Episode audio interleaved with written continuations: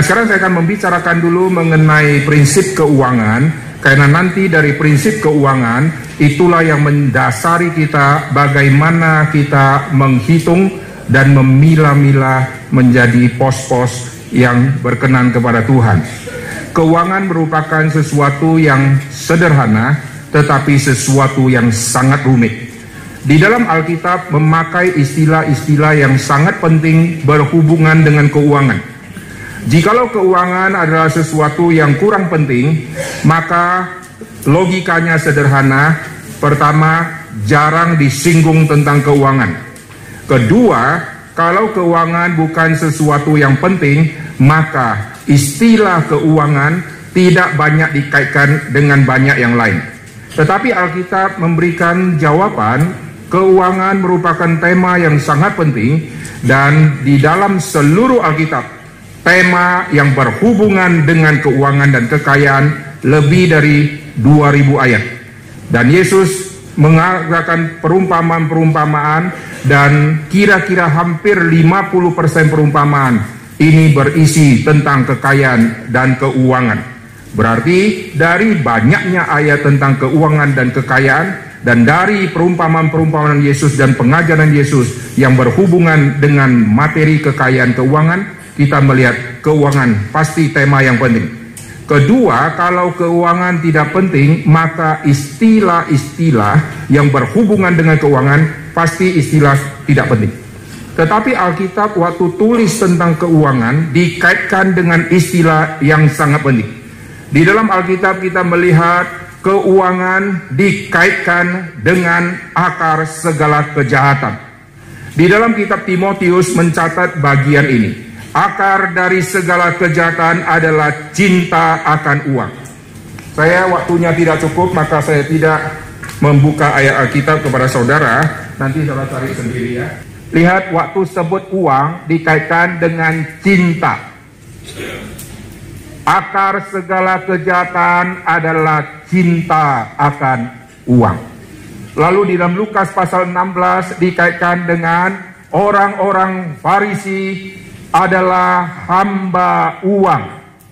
Waktu sebut uang dikaitkan dengan hamba. Di dalam Alkitab kita melihat ada hamba Allah, hamba Tuhan, lalu hamba dosa, hamba kebenaran, tetapi ada hamba uang. Jikalau uang sesuatu yang tidak penting, tidak mungkin ada kata hamba yang digabung sama uang, yang menjadi hamba uang. Lalu di dalam Alkitab kita melihat selain ada cinta uang, selain ada hamba uang, Alkitab juga mengkaitkan di dalam kitab Timotius mengenai karena berburu uanglah, karena berburu kekayaanlah orang jatuh ke dalam pencobaan. Jadi uang bisa membawa orang jatuh ke dalam pencobaan. Oke, ini semua istilah-istilah penting yang dikaitkan dengan keuangan Lalu di dalam Alkitab muncul lagi mengenai hal yang sangat penting yaitu berhubungan dengan keuangan, yaitu setia pada keuangan. Nah, ini menarik, Saudara. Dulu pertama kali saya membaca bagian itu, saya tidak memahami kenapakah ayat itu muncul setia kok dikaitkan dengan uang. Mari kita lihat ayat ini di dalam Lukas pasal yang ke-16. Perhatikan Lukas pasal yang ke-16, saya menemukan ini adalah fondasi penting untuk kita menilai seseorang itu orang baik atau orang tidak baik. Lihat di dalam Lukas pasal yang ke-16, banyak rambu-rambu yang kita bisa memakainya untuk melihat dan menilai seseorang. Dan salah satunya adalah di Lukas pasal 16 ayat yang ke-10. Saudara kalau perhatikan Lukas 16 ayat ke-10 di sini tulis begini. Barang siapa setia pada perkara-perkara kecil, ia setia juga dalam perkara-perkara besar. Dan barang siapa tidak benar dalam perkara-perkara kecil, ia tidak benar juga dalam perkara-perkara besar. Saudara perhatikan ayat ini diapit di dalam tema keuangan. Saya ajak saudara melihat mundur di Lukas pasal 16 tadi. Dari ayat pertama, ini nanti bicara bendahara yang tidak jujur. Ini bicara tentang pemakaian keuangan. Nah kita tidak eksposisi ayat 1 sampai selesai karena waktu kita tidak cukup. Tetapi saya ajak saudara melihat Lukas pasal 16 temanya adalah tentang keuangan. Lalu di ayat ke-10 muncul setia pada perkara kecil, dia akan setia pada perkara besar. Jadi perkara kecil itu apa? Maka nanti perkara besar itu akan muncul. Lalu lihat di ayat yang ke-11 langsung muncul tema keuangan yang dikaitkan dengan mamon yang sudah dibahas di ayat sebelum ayat 10. Waktu bicara bendahara yang tidak jujur, di situ tema mamon sudah keluar. Jadi saya kalau gambarkan secara sekilas atau tulis secara kiasmu sekilas, setia pada perkara kecil, sebelumnya dikaitkan dengan tema keuangan, yang dikaitkan dengan cara pakai keuangan, yang dihubungkan dengan mamon. Setelah bicara setia pada perkara kecil, keluar lagi tema mamon. Nah ini yang saya sebut kiasmus. Oke, okay, di dalam tradisi Yahudi, di dalam tulisan itu ada kiasmusnya. Jadi setia pada perkara kecil, ini konteksnya adalah keuangan. Banyak orang baca ayat itu lalu dikaitkan dengan hari ini kalau kita melayani, kita susun-susun kursi, nanti setelah Tuhan melihat kita setia susun kursi dan rapi, maka nanti kita bisa susun mimbar. Setelah mimbar, nanti kita akan dipercayakan lebih besar lagi. Itu salah kaprah, saudara. Saudara perhatikan di dalam konteks ini adalah tentang keuangan dan di Lukas 16 ini nanti muncul orang Farisi adalah hamba uang. Oke, setia pada perkara kecil, jikalau keuangan kita tidak bisa atur dengan baik, maka tidak mungkin ada perkara besar yang Tuhan akan berikan. Jadi keuangan merupakan satu indikator penting untuk menilai seseorang akan dipakai Tuhan secara luar biasa atau tidak. Bukankah ada orang yang pakai keuangan tidak beres, tetapi kok terlihat Tuhan sangat memakai mereka? Saya tidak bicara mengenai nabi-nabi palsu atau pendeta-pendeta palsu, pendeta-pendeta di dalam aliran kesuksesan. Karena uang bisa dari Tuhan, uang juga bisa dari setan. Dan uang juga bisa datang dari memanipulasikan firman sehingga mendapatkan keuntungan bagi diri sendiri. Saya tidak bicara mengenai nabi palsu, mengenai orang yang memanipulasi firman untuk dapat keuangan. Yang saya bicara adalah orang yang hidup di dalam jalur yang Tuhan ingin dia lalui, kita nilai orang itu dari gunakan dan menilai uang. Karena uang bisa memperhamba seseorang. Karena uang bisa mencondongkan cintanya orang kepada Tuhan kepada wujud materi ini. Dan mamon dikaitkan kira-kira levelnya mirip seperti Tuhan, maka muncul kalimat tidak boleh mengabdi kepada Tuhan. Tidak mungkin mengabdi kepada Allah, tidak mungkin mengabdi kepada mamon. Berarti Allah sama mamon itu disetarakan padahal mamon pasti kalah sama Tuhan. Tetapi kenapakah bisa dikaitkan tidak boleh mengabdi kepada dua Tuhan, Allah dan mamon? Karena mamon sudah menduduki posisi yang sangat tinggi dan sudah merebut posisi Tuhan. Maka muncul kalimat, tidak mungkin engkau mengabdi kepada dua Tuhan. Mengabdi kepada Allah atau mengabdi kepada mamon. Tidak mungkin engkau mengabdi kepada Allah plus mamon. Jadi mesti pilih salah satu. Di dalam pemilihan nanti manusia lebih cenderung pilih yang mamon lalu memperalat yang Allah. Saya sekarang mendapatkan uang yang banyak demi pekerjaan Tuhan. Bagus ya.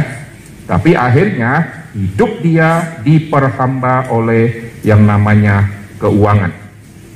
Nah, apakah keuangan perlu diatur dengan baik? Jawabannya perlu. Kenapa? Karena Yesus sendiri memakai orang yang mengatur keuangan.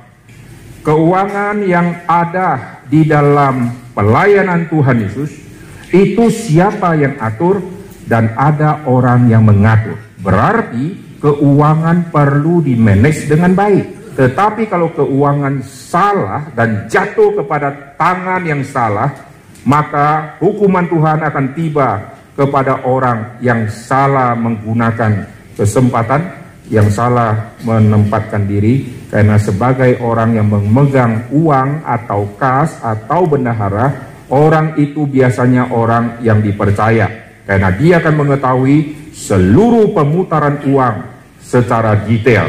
Dan Yudas Iskariot akhirnya dia bunuh diri karena tidak jujur di dalam keuangan. Nah, sekarang kita melihat setia pada perkara kecil. Jadi uang satu perkara yang boleh dikaitkan kecil karena sederhana. Kita waktu melihat uang, uang yang kita pegang, uang yang paling kotor, tetapi barang itulah yang sudah menjerumuskan berapa banyak orang jatuh ke dalam dosa dan barang yang kotor itu sudah mengakibatkan berapa nyawa yang hilang. Tukang parkir membunuh tukang parkir karena rebutan lahan parkir. Tukang parkir membunuh mob, supir mobil karena supir mobil tidak mau bayar parkir. Demi uang yang kotor, tetapi nyawa hilang. Dan satu-satunya barang yang paling kotor yang kita selalu rindu untuk menyimpannya dan taruh di kantong dengan tidak merasa dia kotor. Itu adalah uang. Saudara tahu uang itu kotor nggak?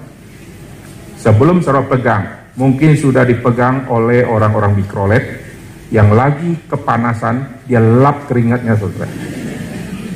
Lalu setelah kering, uangnya jatuh ke tangan saudara dan saudara sudah pegang, masukkan ke dompet dan saudara bawa-bawa. Begitu sudah pegang, saudara setir, saudara lupa lalu saya ngupil. Ada sangkut satu daging di sini, saya korek lagi. Dan barang yang sangat kotor ini, barang yang paling dicintai oleh manusia. Dan manusia kalau sudah pegang uang yang kotor, langsung kotornya hilang, nilainya yang masuk ke otak. Yang penting jumlahnya, kotornya itu urusan kedua. Oke, jadi barang yang namanya uang ini sesuatu yang kecil tetapi sesuatu yang bisa jadi besar. Jikalau keuangan yang kecil Tuhan percayakan, kita tidak mengelola dengan baik-baik, bagaimanakah kekayaan yang lain Tuhan akan serahkan kepada kita? Mustahil Tuhan akan serahkan. Sedangkan yang kecil saja kita sudah tidak bisa serahkan. Nanti saudara membaca Lukas pasal 16, saudara akan menemukan semua konteks berhubungan dengan keuangan. Tak serah, saya akan ajak saudara untuk melihat di dalam prinsip kitab suci bagaimana kita menilai yang namanya uang. Di dalam perkembangan dari zaman awal manusia tidak membutuhkan uang. Saudara perhatikan ini semua ordo saudara harus ikuti dengan baik. Tuhan pasti lebih tinggi dari ciptaan. Oke, semua kita setuju ya. Nanti dari sini saya akan jelaskan panjang lebar Tuhan sama ciptaan Tuhan. Ciptaan Tuhan yang saya tulis di sini ini adalah manusia. Maka manusia sama Allah Allah harus lebih tinggi. Lalu perhatikan ciptaan Tuhan yang lain harus lebih rendah daripada ciptaan Tuhan yang adalah manusia. Oke, yang lain ini apa? Ini termasuk semua ya, termasuk binatang, termasuk tumbuhan.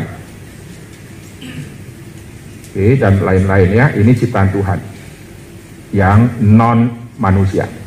Lalu yang non manusia ini binatang tumbuh-tumbuhan dan lain-lain ini harus lebih tinggi daripada ciptaan manusia. Oke. Nanti saya jelaskan ya. Lalu habis ini nanti baru yang namanya uang. Maksudnya begini.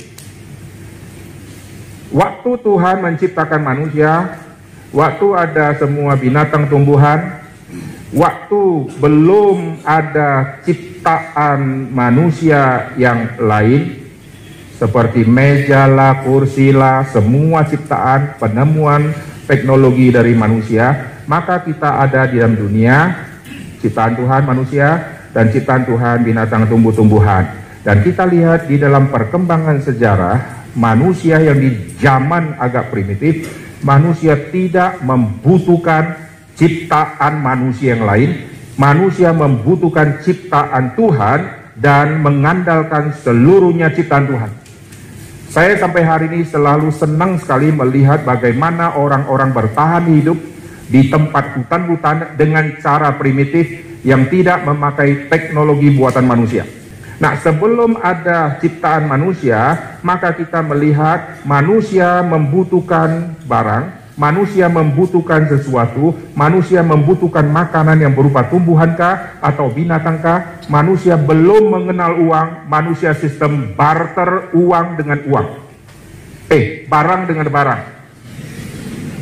Barang, dia barter sama barang. Kalau begitu, kehadiran uang sebetulnya bukan sesuatu yang sangat penting atau terpenting karena barang dengan barang bisa ditukar.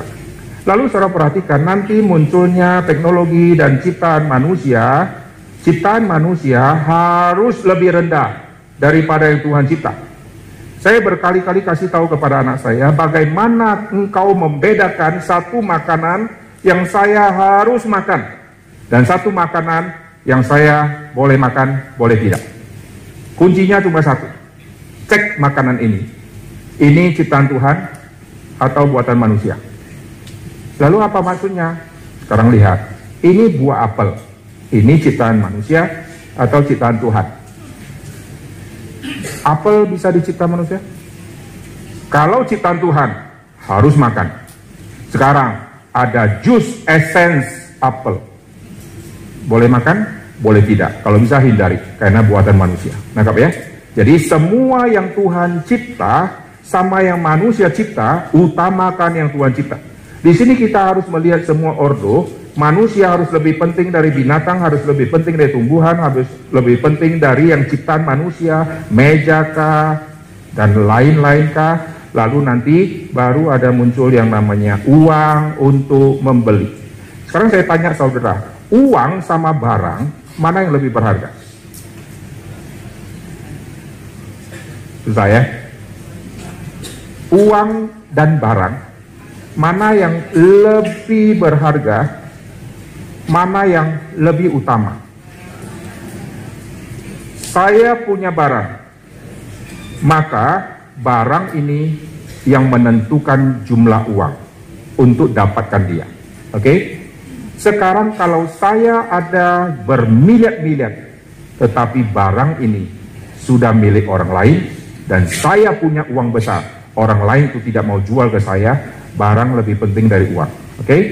Nah, di sini kita harus melihat poin barang sama uang, uang kalah. Sekarang, uang sama manusia. Jawabnya gampang ya. Kalau ujian agama gampang ya, tapi prakteknya jadi hamba uang. Oke, nah sekarang saya akan ajak saudara pelan-pelan untuk melihat semua urutan ini.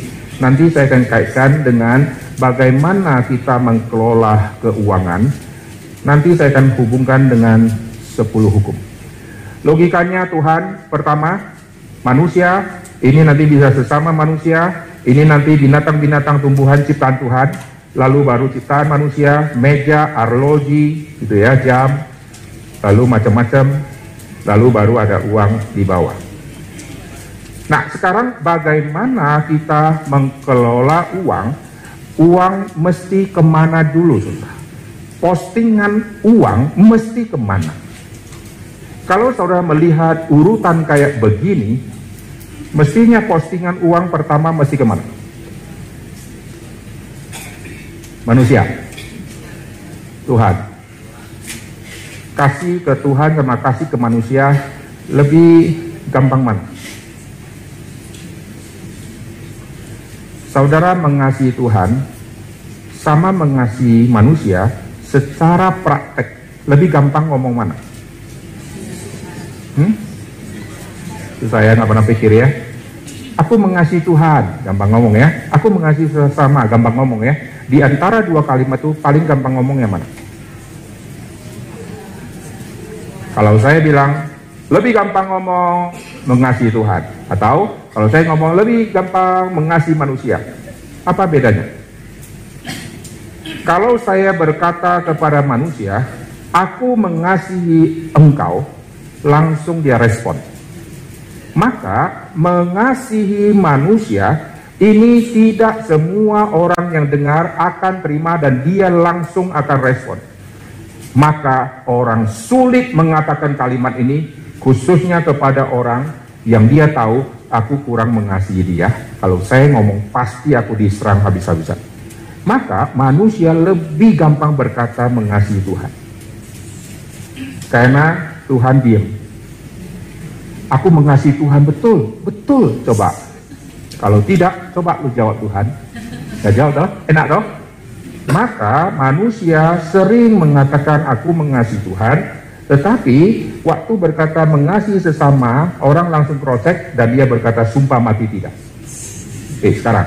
Waktu uang kita, kita pakai untuk Tuhan sama untuk manusia, lebih gampang mana? Hmm? Berkata, aku sudah mendukung pekerjaan Tuhan. Tidak mungkin orang bilang, coba kasih auditnya. Sudah, sudah saya kasih untuk pekerjaan Tuhan. Ngomong ke Tuhan gampang ya. Minta buktinya sudah 15 tahun yang lalu misalnya ya. Tapi waktu kita berkata, aku sudah mendukung panti asuhan. Waktu cek ke panti asuhan, panti asuhan bilang, sumpah mati. Saya berkata, tidak pernah orang itu menyumbang saya. Jadi saudara lihat untuk Tuhan kesannya rohani sekali, tetapi sering kali untuk Tuhan ini namanya penipuan. Lalu kita berkata, aku sudah memberikan untuk Tuhan, semua untuk Tuhan, tetapi nanti prakteknya tidak. Oke, sekarang saya akan ajak saudara untuk melihat, di dalam seminar ini harap kita sekarang berubah worldview, dari urutan ini, apakah Alkitab menyetujuinya? Sekarang, kalau saya ajak saudara untuk melihat 10 hukum. Hukum pertama sampai hukum keempat dan satu sampai empat itu yang selalu orang berkata ini namanya kasihi Tuhan karena itu tema Tuhan hukum satu dua tiga empat kan kuduskanlah hari sabat oh ini bicara Tuhan maka kasih Tuhan lalu hukum lima sampai hukum yang ke sepuluh Sesama maka kasih sesama. Maka dibagi menjadi dua. Saya bagi jadi tiga. Bukan berarti saya melawan firman Tuhan ya. Saya setuju itu dua, tetapi saya bagi menjadi tiga untuk kita temukan ordonya. Hukum satu sampai hukum tiga ini bicara Tuhan. Oke, lalu hukum yang keempat kuduskanlah hari sabat. Ini bicara gereja. Oke. Lalu hukum kelima sampai hukum ke sepuluh, hukum kelima tentang apa? Hormatilah orang tuamu. Family, lalu jangan bunuh, jangan curi, jangan ingini. Ini bicara masyarakat. Oke, nah, saudara lihat, ini urutan yang Tuhan tetapkan di dalam sepuluh hukum. Masyarakat adalah gabungan dari family-family. Maka gabungan keluarga-keluarga kecil berkumpul tidak peduli agama mana, ini jadi masyarakat. Lalu kita melihat keluarga-keluarga yang sudah ditebus, orang-orang Kristen yang sudah ditebus waktu berkumpul, itu namanya mereka bersekutu di dalam gereja. Lalu kepala gereja adalah Kristus. Oke. Okay? Lalu kepala keluarga adalah Kristus. Lalu nanti ada masyarakat. Nah, sekarang dari 10 hukum ini kita sudah melihat ada empat ordo, baik Tuhan, gereja, family, society. Sekarang saya kaitkan dengan ordo yang tadi di awal. Ini saya hapus hukum 1 sampai 3, hukum 4, lalu hukum 5 sampai yang ke-10. Saudara perhatikan Tuhan saya paralelkan ke sini. Saya pakai pulpen lain saja ya. Nanti dari sini kita akan melihat bagaimana pengaturan keuangan. Lalu ciptaan Tuhan yaitu manusia, lalu ada binatang, lalu ada ciptaan manusia, ciptaan Tuhan dari binatang dan seterusnya. Lalu bagaimana kita kaitkan dengan di sini? Oke. Okay. Manusia ini ada bicara nanti keluarga di sini. Adam, Hawa itu nanti keluarga. Dari keluarga baru keluar nanti masyarakat, manusia tambah banyak.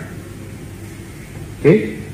Jadi kalau kita lihat secara ordo penciptaan Tuhan, lalu yang ini, ini, ini, sampai kepada materi yang disebut uang, kalau kita jabarkan yang manusia, itu ada keluarga, ada society. Lalu yang binatang tumbuhan ini masuk kepada yang level benda nanti. Oke, sekarang saya masukkan ke 10 hukum. Tadi yang keluarga, sudah masuk ke sini, lalu yang society sudah masuk ke sini.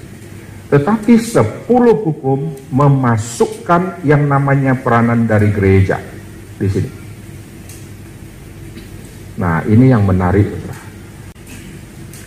Waktu Tuhan mau bicara kepada umatnya, Tuhan bicara memakai gereja.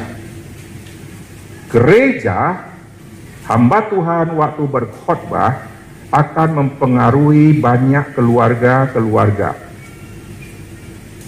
Setelah keluarga-keluarga Kristen dipengaruhi, maka keluarga-keluarga ini akan masuk ke dalam masyarakat. Setuju? Maka jikalau gereja sudah kehilangan firman dan sudah tidak lagi setia mengabarkan apa yang Tuhan mau, Gereja sudah tidak di bawah Tuhan. Gereja sudah mau jadi Tuhan sendiri karena melakukan apa pun suka-suka dia. Ini gereja akan menuju bahaya. Jikalau gereja sudah menuju bahaya, maka family semua rusak. Family kalau rusak, kehidupan bermasyarakat jadi kacau. Jikalau gereja mengajarkan teologi yang sukses, maka Family-family yang ada di dalam gereja teologi sukses akan mengatur uang menjadi salah. Lalu setelah itu masuk ke masyarakat, menilai masyarakat mana yang kaya, mana yang miskin menjadi salah. Orang kaya, orang yang diberkati Tuhan. Yang miskin, yang tidak diberkati Tuhan. Karena dari gereja dia mendapatkan sumber itu. Sekarang, ayah dan ibu mendidik satu anak sebelum jadi ayah dan ibu, ini kita bicara keluarga Kristen ya, sebelum mendidik anak, dia adalah orang yang ada di gereja. Maka semua pengenalan tentang Tuhan, tentang sesama, tentang dunia ciptaan, itu diterima dia di gereja. Sehingga dari apa yang dia terima, itulah yang dia akan pakai untuk membesarkan si anak. Saudara bayangkan jikalau ayah dan ibu tidak mempunyai fondasi kebenaran, maka dia akan mempengaruhi seluruh anak. Lalu setelah itu dia balik ke gereja, gereja mengajarkan apa yang persis yang dia sudah lakukan pada salah dan tidak ditegur, maka family-family satu persatu mulai rusak dan akan mempengaruhi society. Oke, ini mengenai urutan ini. Nah sekarang family-family diberkati oleh Tuhan. Waktu mereka diberkati oleh Tuhan, maka bagaimanakah penempatan keuangan di dalam keluarga?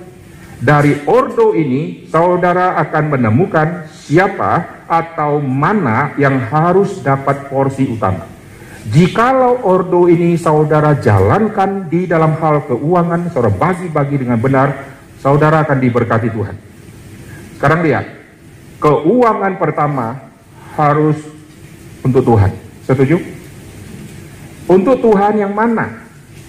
Maka di dalam Alkitab kita melihat ada prinsip yang namanya perpuluhan.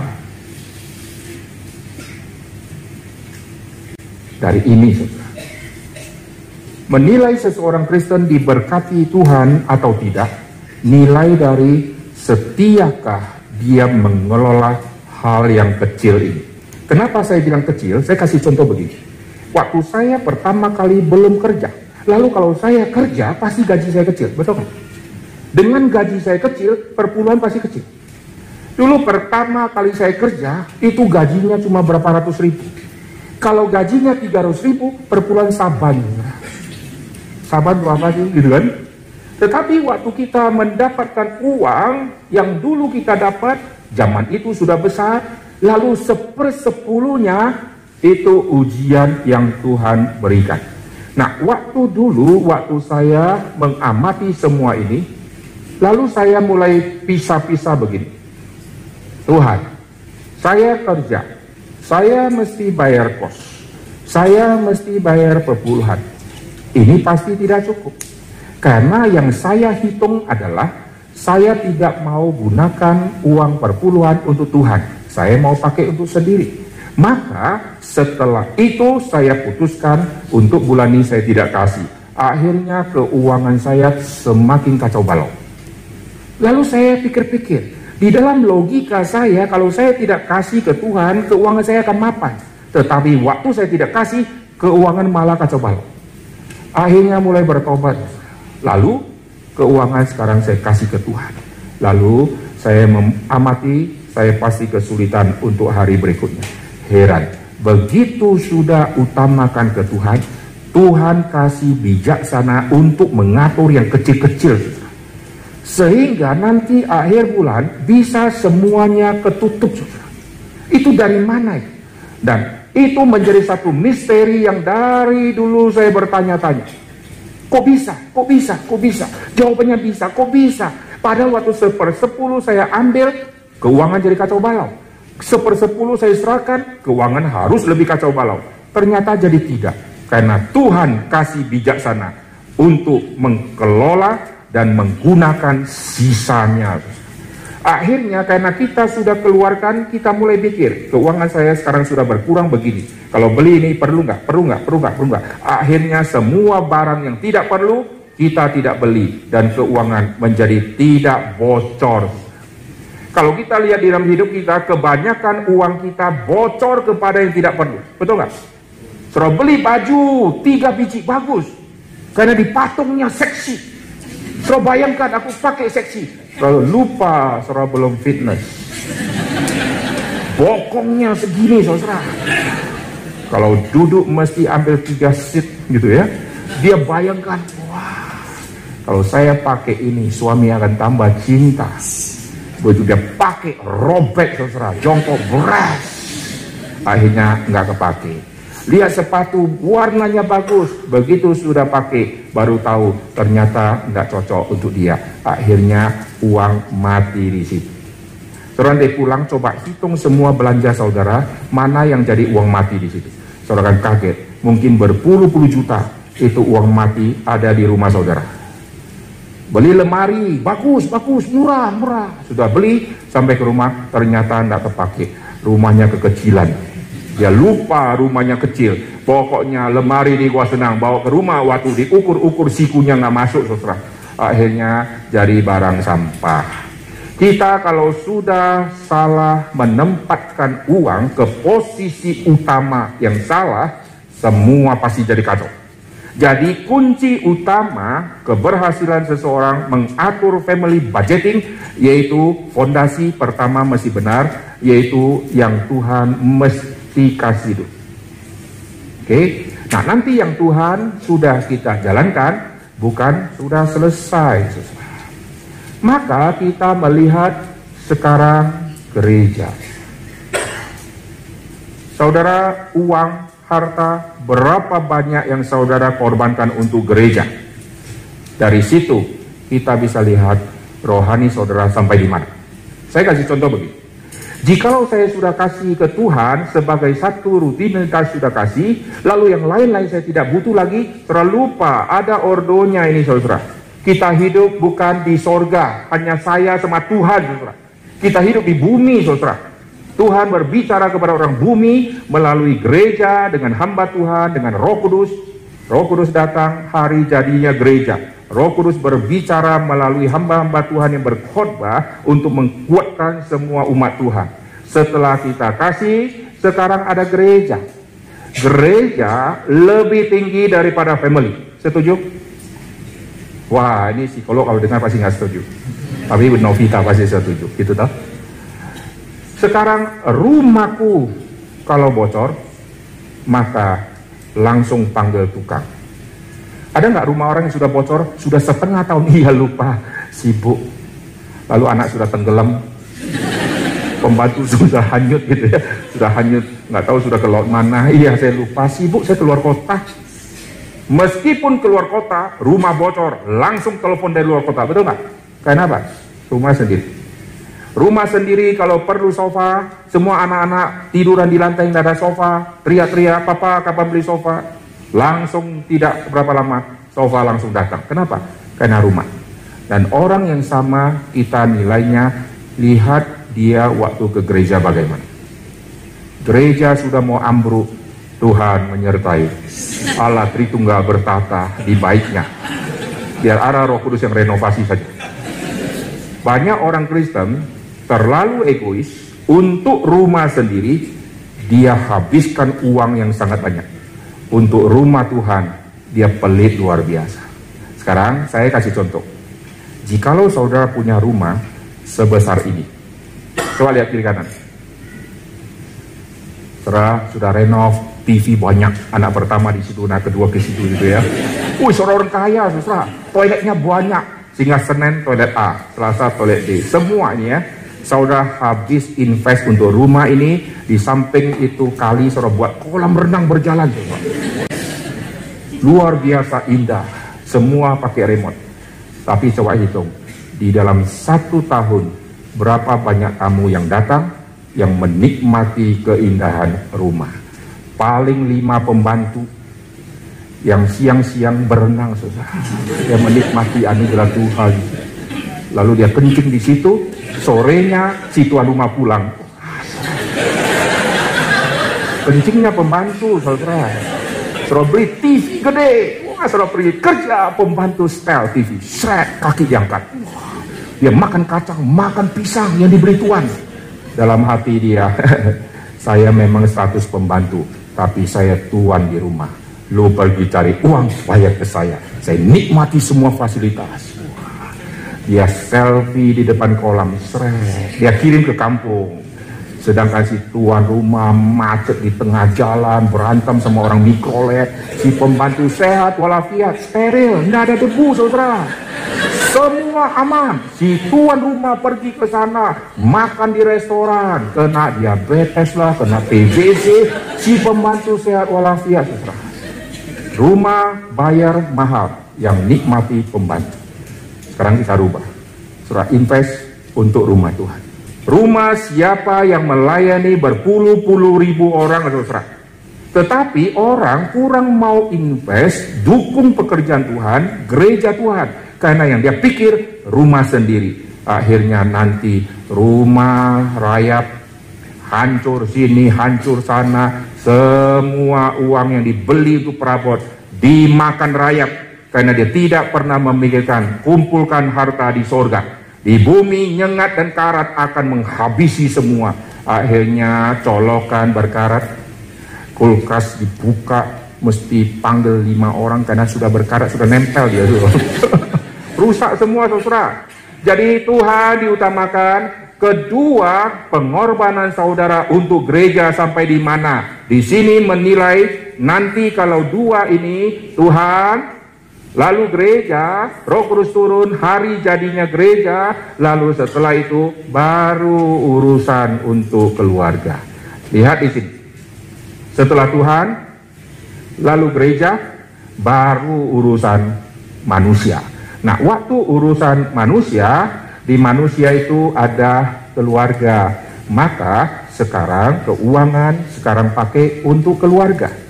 Lalu setelah itu jangan lupa semua berkat karunia apa pun yang Tuhan kasih selalu muncul satu kalimat untuk kepentingan bersama. Waktu karunia, karunia, karunia diberikan, muncul kalimat untuk kepentingan bersama, maka Tuhan kasih karunia. Sekarang, kita datang dengan telanjang, kita pulang dengan telanjang, tidak membawa apa-apa, maka semua berkat yang Tuhan titipkan untuk kita pakai, kita bisa pakai untuk pekerjaan Tuhan, kita pakai untuk kebutuhan keluarga, dan kita pakai untuk salurkan kepada orang lain. Jikalau semua ini jalur masuk dan jalur keluar bagus, saudara baru disebut orang sehat. Jalur masuk mesti dari Tuhan. Sudah dari Tuhan, kita gunakan sesuai dengan jalurnya sampai nanti kita keluarkan semua, lalu Tuhan kasih lagi saudara. Jikalau salah satu mandek, saudara akan buncit. Jikalau kita makan, lalu tempat penyaluran yang harus dikeluarkan ada sebagian yang kesumbat, pasti penyakit muncul. Kalau pori-pori mulai kesumbat 50% misalnya, ya, pasti penyakit muncul. Kalau sudah lama tidak pipis, pasti penyakit muncul. Kalau sudah 8 hari tidak ke WC, saudara bilang, semua makanan kuku simpan baik-baik. Ngapain saya buang? Mahal.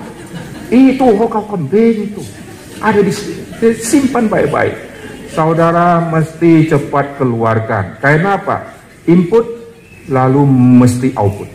Semua ini mesti sesuai dengan norma yang Tuhan sudah tetapkan. Baru orang itu disebut sehat. Lalu saudara perhatikan, waktu gereja sudah kita utamakan, kepentingan rumah Tuhan sudah kita utamakan, baru sisanya untuk keluarga. Maka saudara mulai akan bijaksana untuk menyaring yang tidak perlu. Karena saudara punya uang sudah mulai berkurang. Berkurangnya sudah ke arah yang benar, sudah serahkan ke arah yang benar, maka sisanya saudara akan dikasih bijaksana untuk mengatur semua itu. Saudara kalau lihat Salomo, waktu kekayaan, kekuasaan, semua dia bisa minta, tetapi dia tidak minta kekayaan, dia minta bijaksana. Karena kekayaan sama bijaksana itu beda. Jikalau saya punya kekayaan tapi tidak punya bijaksana mengelola kekayaan, semua akan hancur dalam waktu singkat. Tetapi kalau saya berbijaksana, meskipun yang saya miliki sedikit, tetapi saya bisa mengatur semua dengan baik, itu melampaui semua. Jadi pengaturan keuangan perlu bijaksana dari sorgawi. Saudara tidak bisa hitung matematika. Kalau saya kasih begini berkurang begini, tidak bisa saudara.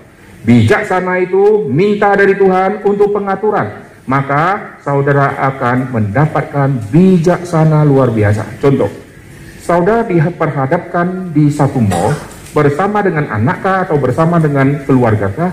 Lalu satu anak mendadak bilang, Pak, beli itu dong.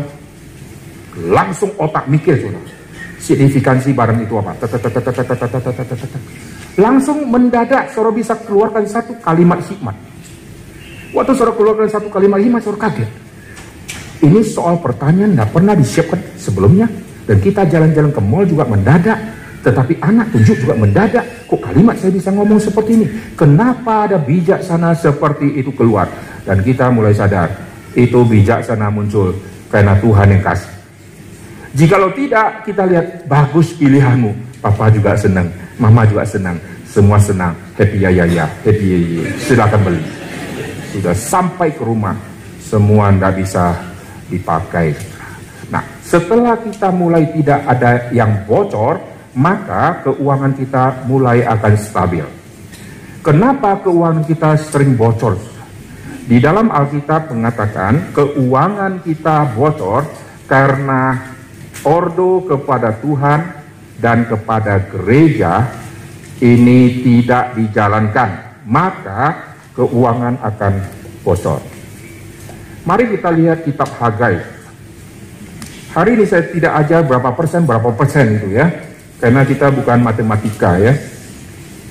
Sekarang saya ajak saudara melihat di dalam kitab Hagai.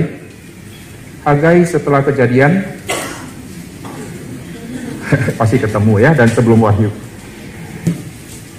Perhatikan saya baca pada tahun yang kedua zaman Raja Darius dalam bulan yang keenam pada hari pertama bulan itu Datanglah firman Tuhan dengan perantara Nabi Hagai kepada Jerubabel bin Setiel Bupati Yehuda dan kepada Yosua bin Jojadak imam besar bunyinya. Beginilah firman Tuhan semesta alam. Bangsa ini berkata, sekarang belum tiba waktunya untuk membangun kembali rumah Tuhan. Ini bicara gereja. Maka datanglah firman Tuhan dengan perantara Nabi Hagai bunyinya, apakah sudah tiba waktunya bagi kamu untuk mendiami rumah-rumahmu yang dipapani dengan baik, sedang rumah ini tetap menjadi reruntuhan. Perhatikan, waktu urusan untuk Tuhan dan gerejanya sudah diabaikan, maka urusan family, urusan rumah, Tuhan akan buat bocor. Saya baca ayat ketiga. Datanglah firman Tuhan dengan perantara Nabi Hagai bunyinya. Apakah sudah tiba waktunya bagi kamu untuk mendiami rumah-rumahmu yang dipapani dengan baik? Sedang rumah ini tetap menjadi reruntuhan. Oleh sebab itu beginilah firman semesta alam. Perhatikanlah keadaanmu. Kamu menabur banyak. Rajin. Pagi berangkat jam 5. Pulang jam 3 dini hari. Tidur dua jam, berangkat lagi. Nabur, rajin saudara. Proyek ada di mana-mana. Wah luar biasa saudara kamu menabur banyak, tapi pulang bawa hasil sedikit. Orang pergi cuma satu proyek, hasilnya sudah melimpah. Yang ini sudah 10 proyek dari pagi sampai malam, pulang hasil sedikit. Kamu makan, tetapi tidak sampai kenyang. Kamu minum, tetapi tidak sampai puas. Kamu berpakaian tetapi badanmu tidak sampai panas. Dan orang yang bekerja untuk upah, ia bekerja untuk upah yang ditaruh di dalam pundi-pundi yang berlobang. Saudara bayangkan saudara isi air di satu gentong sudah tiga hari tidak penuh-penuh. Karena ada lima lobang di situ. Semua air sudah masuk, segar semua masuk. Tetapi semuanya bocor. Saudara pasang lagi keran lebih banyak lagi. Tetap hilang karena bocor. Jadi waktu seseorang sudah melupakan ordo keuangan yang harus dikasih ke siapa, maka akibatnya pasti lobang, bocor. Maka tidak heran setelah waktu pulang nanti lihat rumah, saudara bawa tahu terlalu banyak yang bocor. Mobil mewah ini sebetulnya tidak usah kita beli. Toh seminggu pakai sekali, gitu ya. Sudah pakai berapa tahun? Turun berpuluh-puluh juta, bocor berpuluh juta. Lalu barang ini saya hobi, saya beli dengan harga yang mahal. Ternyata KW 4 gitu ya, saking bodohnya dia dapat KW 4 karena mata ini bisa menipu kita. Mata sudah lihat tertarik, ternyata kena tipu. Lalu mulai bocor, bocor, bocor, bocor, bocor. Lalu nanti penggunaan untuk anak juga banyak bocor. Anak yang siul pun tidak bisa. Nyanyi fals. Disekolahkan sekolah nyanyi vokal. Di guru terbaik yang termahal. Dan kita sudah tahu anak kita potensi pun tidak ada. Lalu habiskan uang yang banyak untuk dapat nama anak saya murid dari orang kaya atau orang hebat. Orang hebat yang menerima murid yang tidak profesional ini membuktikan orang itu tidak hebat. Orang yang sudah mencapai level hebat, dia yang memilih murid, bukan uang yang pilih dia. Dia melihat semua anak, dia pilih. Yang ini aku ngajar, yang lain pulanglah kau. Jangan berbuat dosa lagi gitu ya. Jangan kau datang ke sini lagi, habisi waktu saya saja. Jikalau ada orang kaya yang bisa sekolahkan, leskan anaknya ke guru yang paling top, dan anak ini bisa diterima, ini membuktikan guru yang paling top itu belum top. Dia bisa disetir karena uang. Tetapi guru yang top, dia akan memilih murid yang berpotensi dan dia akan jadikan murid ini menjadi orang penting. Bahkan tidak dibayar pun dia rela. Ini namanya guru yang top. Kita lihat kebocoran mulai terjadi. Keluarkan uang inilah, uang inilah, uang ini. Akhirnya setelah keluar, kita mulai pikir, ah saya kerja susah-susah, saya nikmati untuk keluarga. Lalu untuk masyarakat kita tidak lakukan. ini kita salah. Di dalam Alkitab seluruh urutan ini harus berjalan dengan baik. Sekarang saya kasih contoh. Oke ya, sekarang saya hapus dulu supaya tidak banyak coretan-coretan. Nanti urusan gereja ini nanti akan dipecah lagi. Di dalam Alkitab waktu membicarakan mengenai keuangan untuk gereja, ini nanti ada pecahnya. Kalau yang untuk Tuhan tadi kita sudah jelas Alkitab memesankan begitu, lalu untuk kehidupan bergereja nanti di sini ada yang namanya persembahan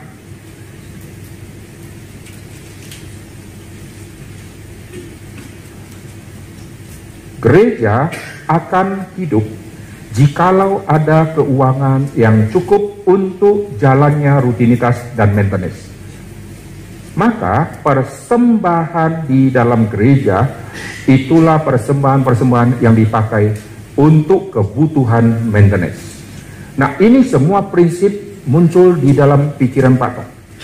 Di dalam pikiran Pak Tong begini, perpuluhan itu tidak boleh dipakai untuk maintenance gereja. Lalu orang mulai tanya, kalau begitu berpuluhan itu apa? Simpan-simpan gitu kan. Perpuluhan akan menjadi dana cadangan sampai nanti suatu saat gereja membutuhkan tanah besar, maka uang perlu banyak, barulah keluar dari cadangan bulog ini. Simpanan uang yang sudah lama ini baru dikeluarkan untuk biaya yang besar itu. Lalu maintenance bagaimana? Maintenance mesti dari persembahan rutin.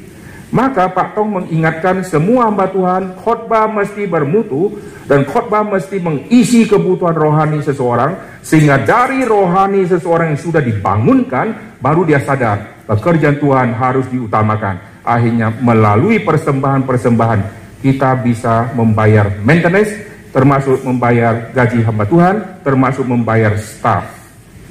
Tetapi banyak gereja kebobolan, yaitu hamba-hamba Tuhan sudah tidak lagi memusingkan mau persembahan berapa, bulan ini tekor, tidak peduli. Pokoknya gaji saya terus ditransfer. Patong tidak. Semua hamba Tuhan harus memikirkan, lu kalau pegang satu cabang, lu mesti bisa hidupkan. Tidak bisa, oh gaji sudah dapat. Inilah membuat kekristenan di Amerika, di Eropa mati karena hamba Tuhan gaji sudah besar. Dia tidak peduli yang datang lima encik-encik. Dia tetap khotbah bulan depan dapat gaji. Kalau di reform tidak. Lu kalau tidak bisa membuat gereja sampai hidup, berhenti. Enak aja makan gaji, makan gaji enak-enak. Lalu gereja lu biarkan, maka kita jadi hamba Tuhan gembala, ini pusing kepala. Dari situ kita mulai mengerti, semua persembahan digunakan untuk apa? Perpuluhan digunakan untuk apa? Perpuluhan itu mesti menjadi dana cadangan untuk pekerjaan Tuhan yang kelak akan lebih besar lagi. Maka setiap hari bersandar kepada Tuhan, bukan khotbah tentang keuangan, bukan menjanjikan muluk-muluk supaya orang kaya lalu keuangan bisa masuk tidak. Khotbahkan murni firman Tuhan, maka kita khotbah eksposisi ayat demi ayat Kadang-kadang ketemu ayat yang susahnya minta ampun mau nangis setiap malam saudara. Apa yang harus sampaikan Tuhan?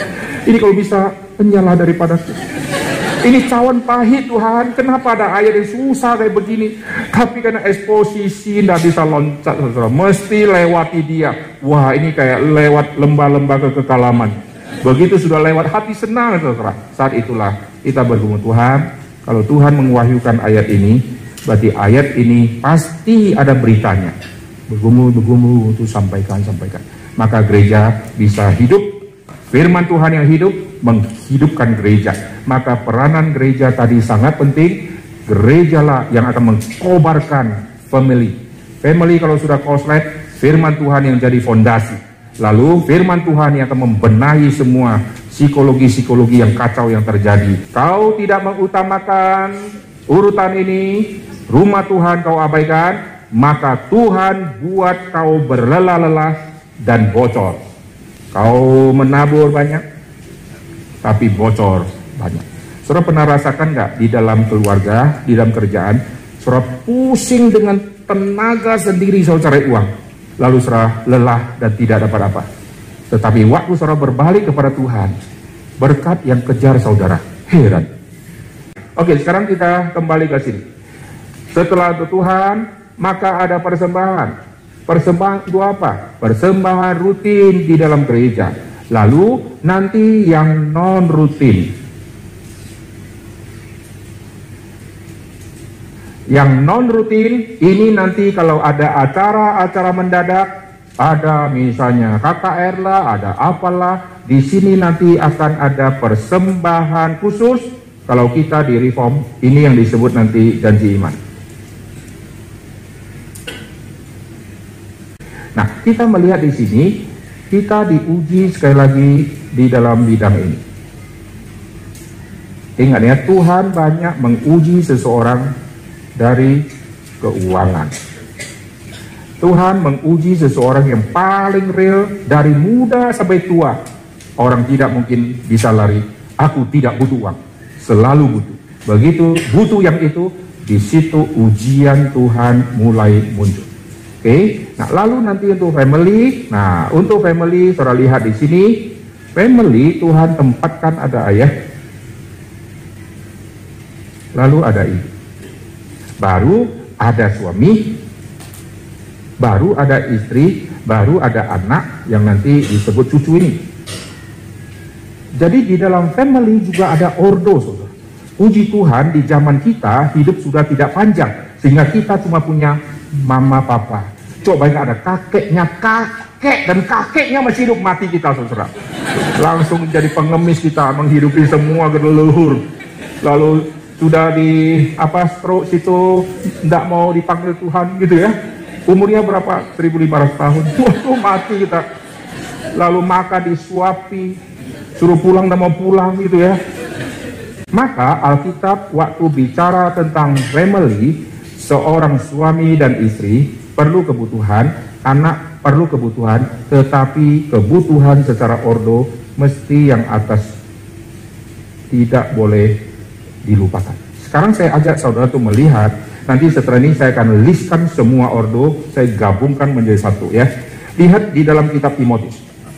Saudara perhatikan di dalam kitab Timotius waktu membahas mengenai janda.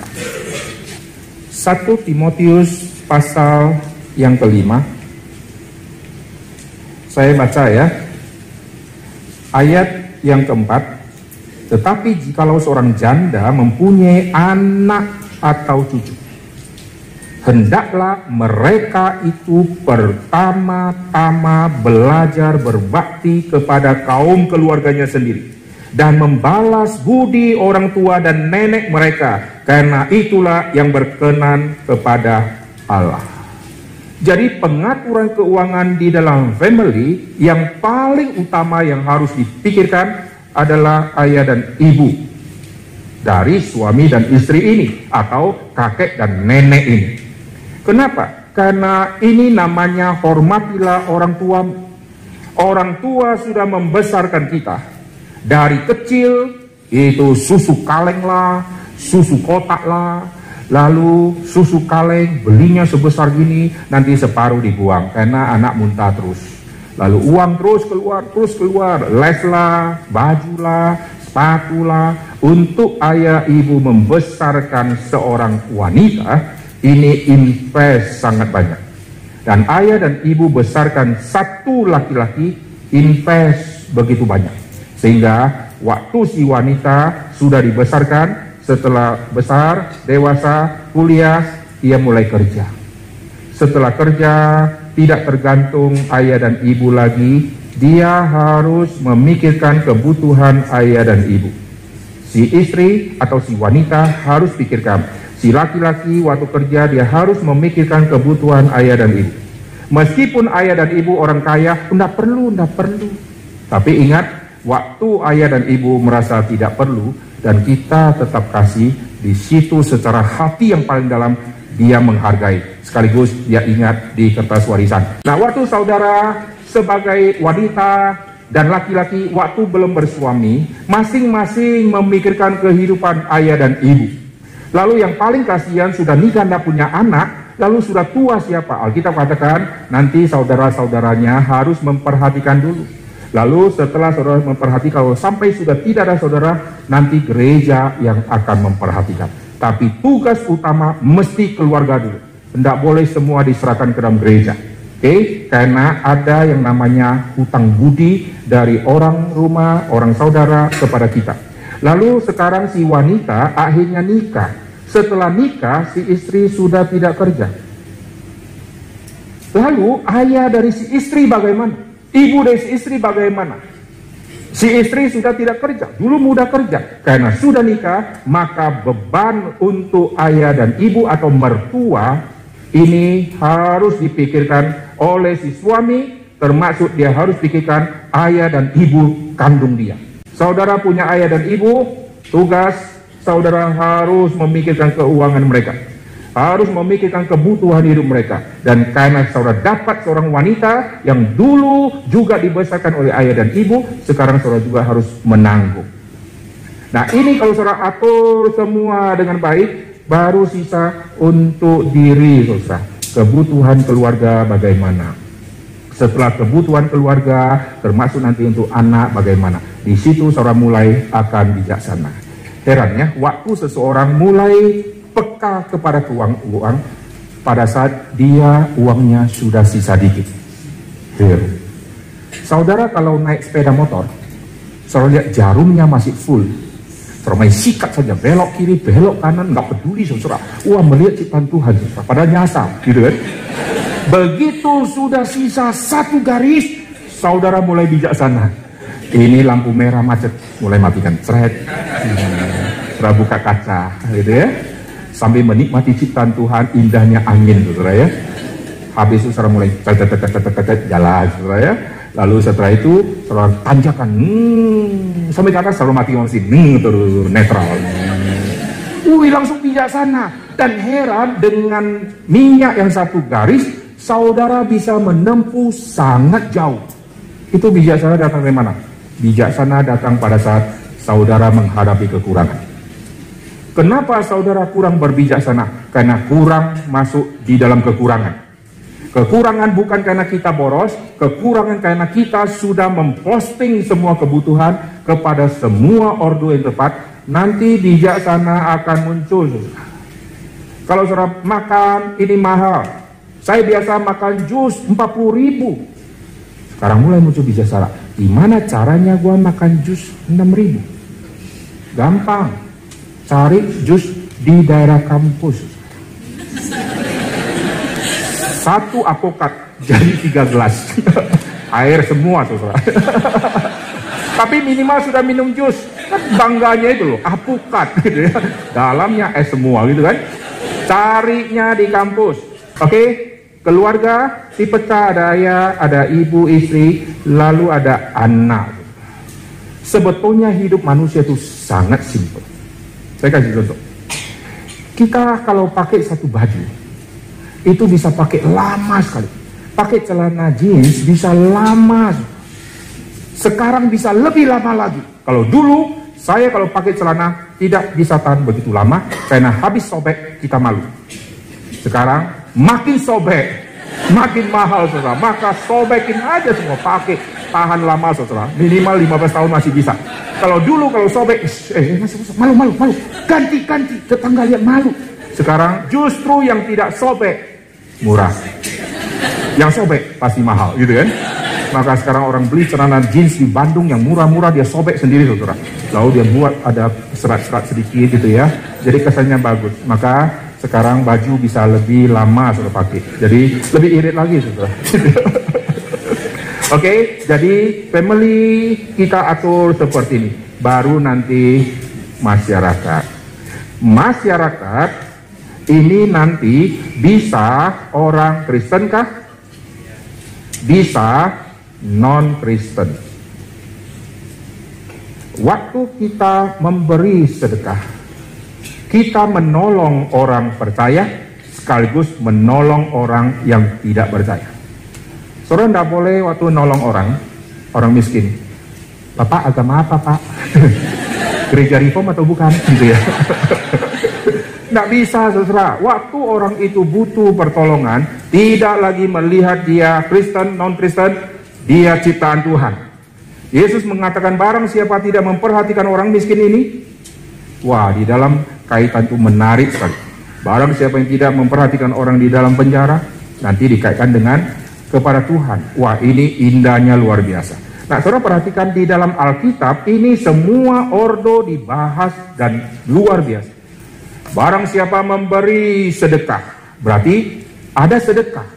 Lalu Paulus berkata mengenai pengumpulan uang untuk orang Kristen. Saya ajak saudara untuk melihat di dalam kitab 1 Korintus.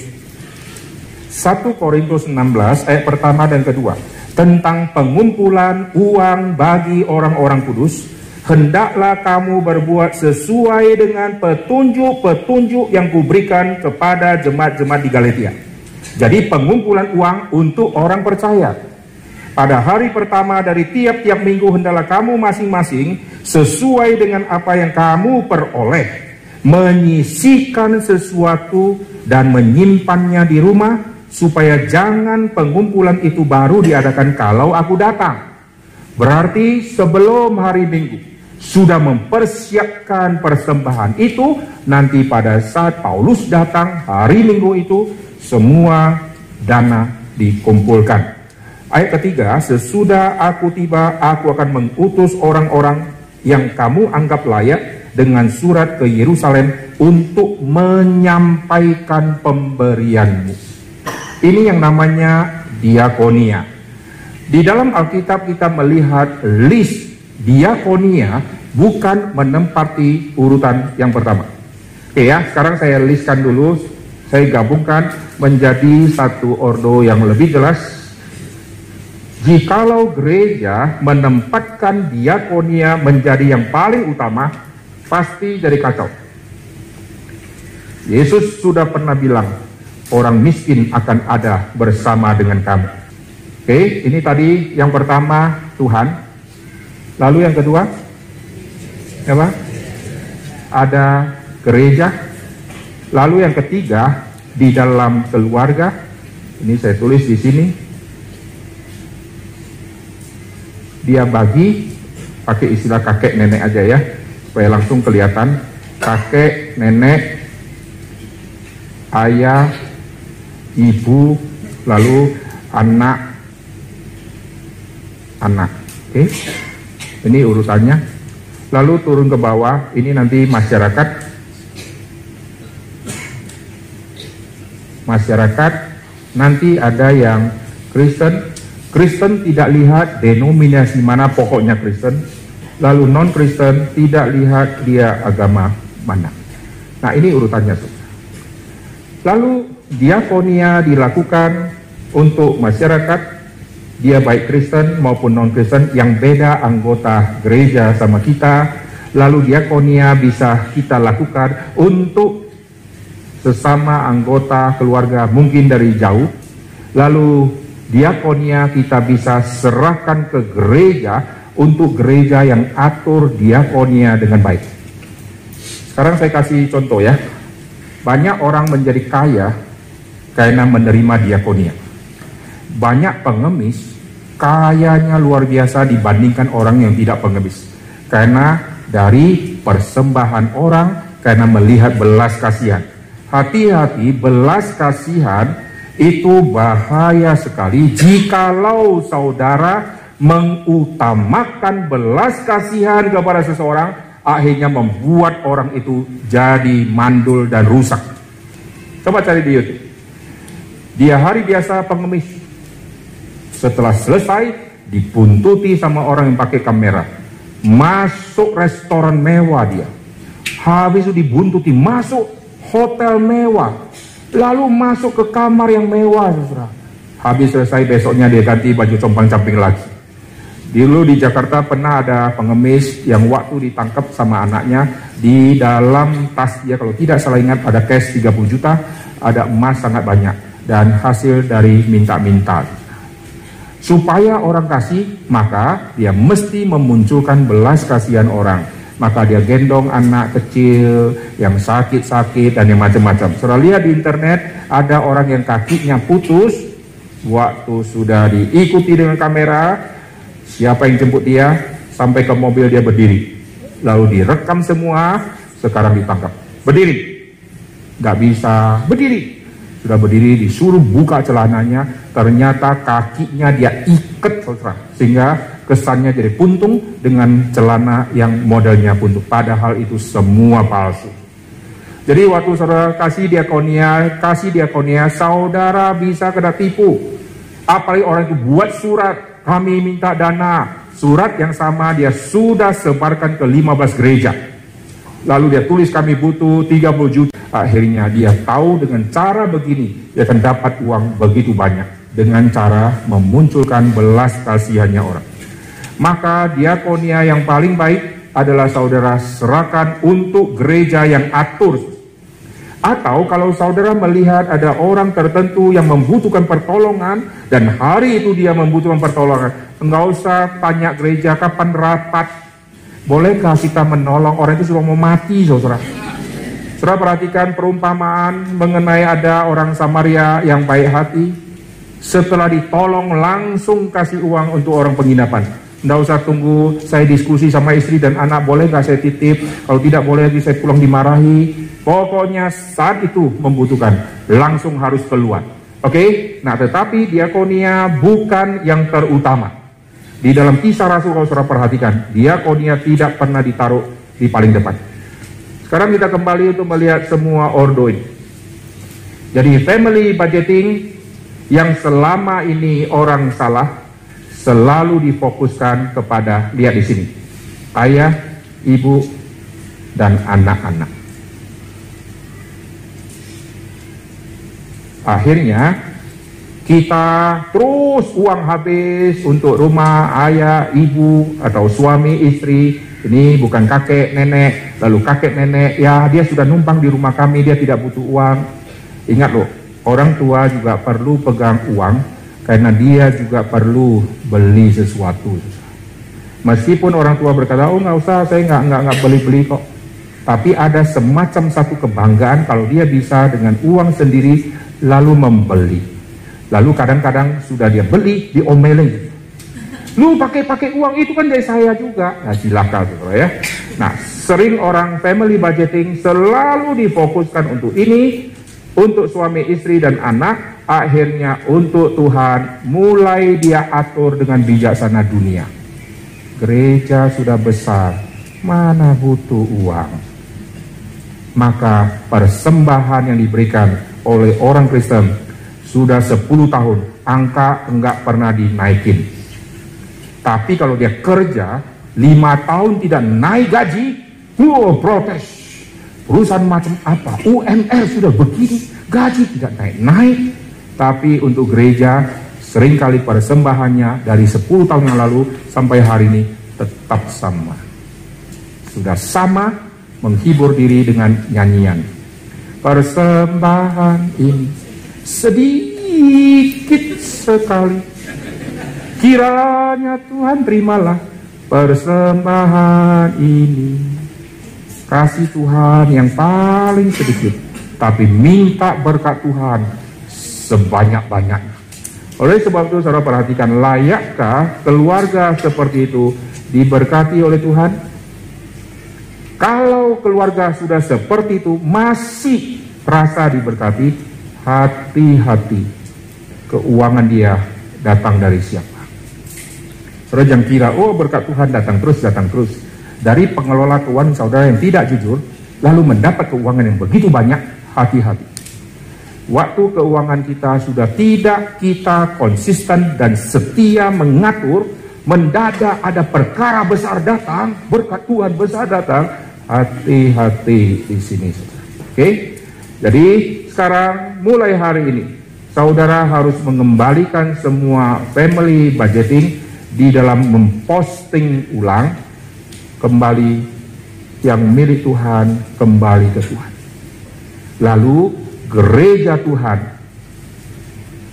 barulah keluarga, ayah dan ibu yang sudah lama membesarkan saya.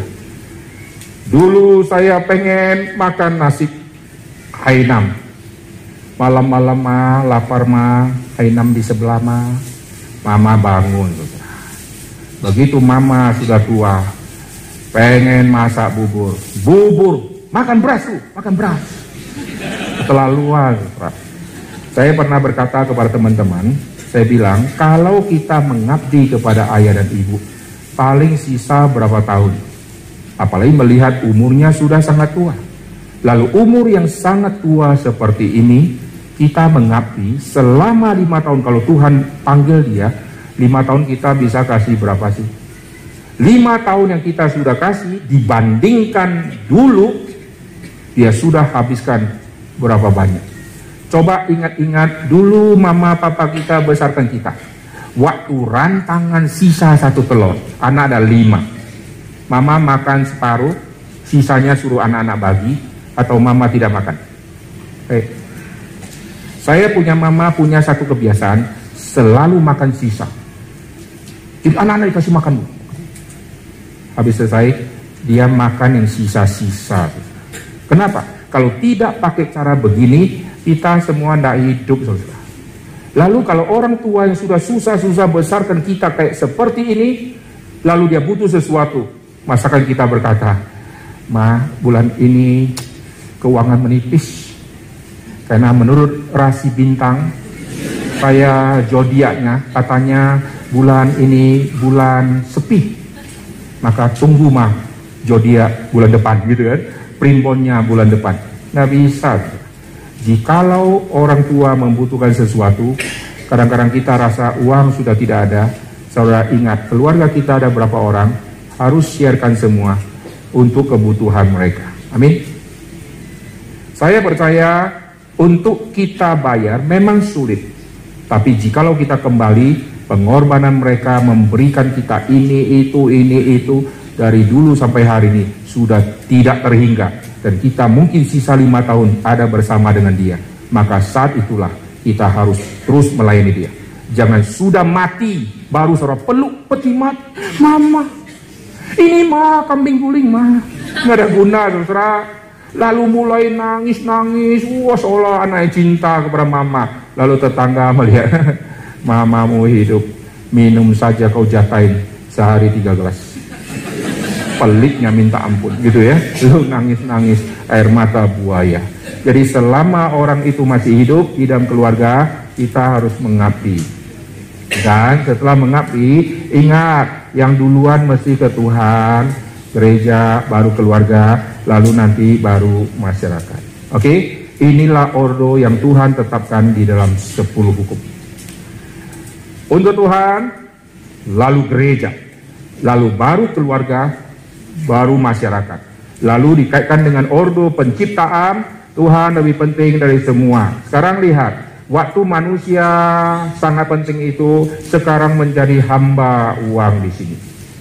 Uang harus kita peralat dan uang yang masuk ke kita tidak pernah kembali lagi. Saya waktu kecil saya tanda tangan di rupiah. Waktu kecil saya tunggu kapan tuh kembali ke saya lagi. Setelah diedarkan sampai hari ini tidak pernah ketemu lagi. Jadi cuma satu kali lewat saudara Lalu setelah lewat tidak pernah kembali lagi. Dan uang itu pasti sudah rusak juga. Tapi waktu zaman itu, waktu dikasih, menunggu berbulan-bulan, menunggu bertahun, tidak pernah lewat lagi. Jadi kita ibarat seperti bendaharanya Tuhan di bumi. Yang Tuhan titipkan harta sementara untuk kita bagi di dalam posting-posting yang benar. Nanti setelah kita mati, semua postingan kita kita sudah atur dengan baik. Kita mati dengan tidak ada rasa hutang. Sekarang orang Kristen banyak hutang tapi tidak sadar. Hutang apa? Hutang kepada Tuhan, hutang kepada pekerjaan Tuhan, hutang kepada gereja Tuhan, hutang kepada ayah, ibu, kakek, nenek, lalu hutang apa? Hutang kepada masyarakat. Kita tahu ada orang membutuhkan kesulit, kesulitan luar biasa tapi kita punya dua helai baju. Kita tidak kasih dia satu, pada dia butuh helai baju itu. Maka kita harus bertobat. Oke, okay? jadi mulai hari ini serah rubah semua ordo di dalam budgeting dan Tuhan akan memberkati. Jadi setelah kita semua urutan ini sudah benar, baru kita masuk ke binatang. Tadi Tuhan, ciptaan Tuhan manusia, ini sudah. Lalu baru hobi binatang, tumbuhan.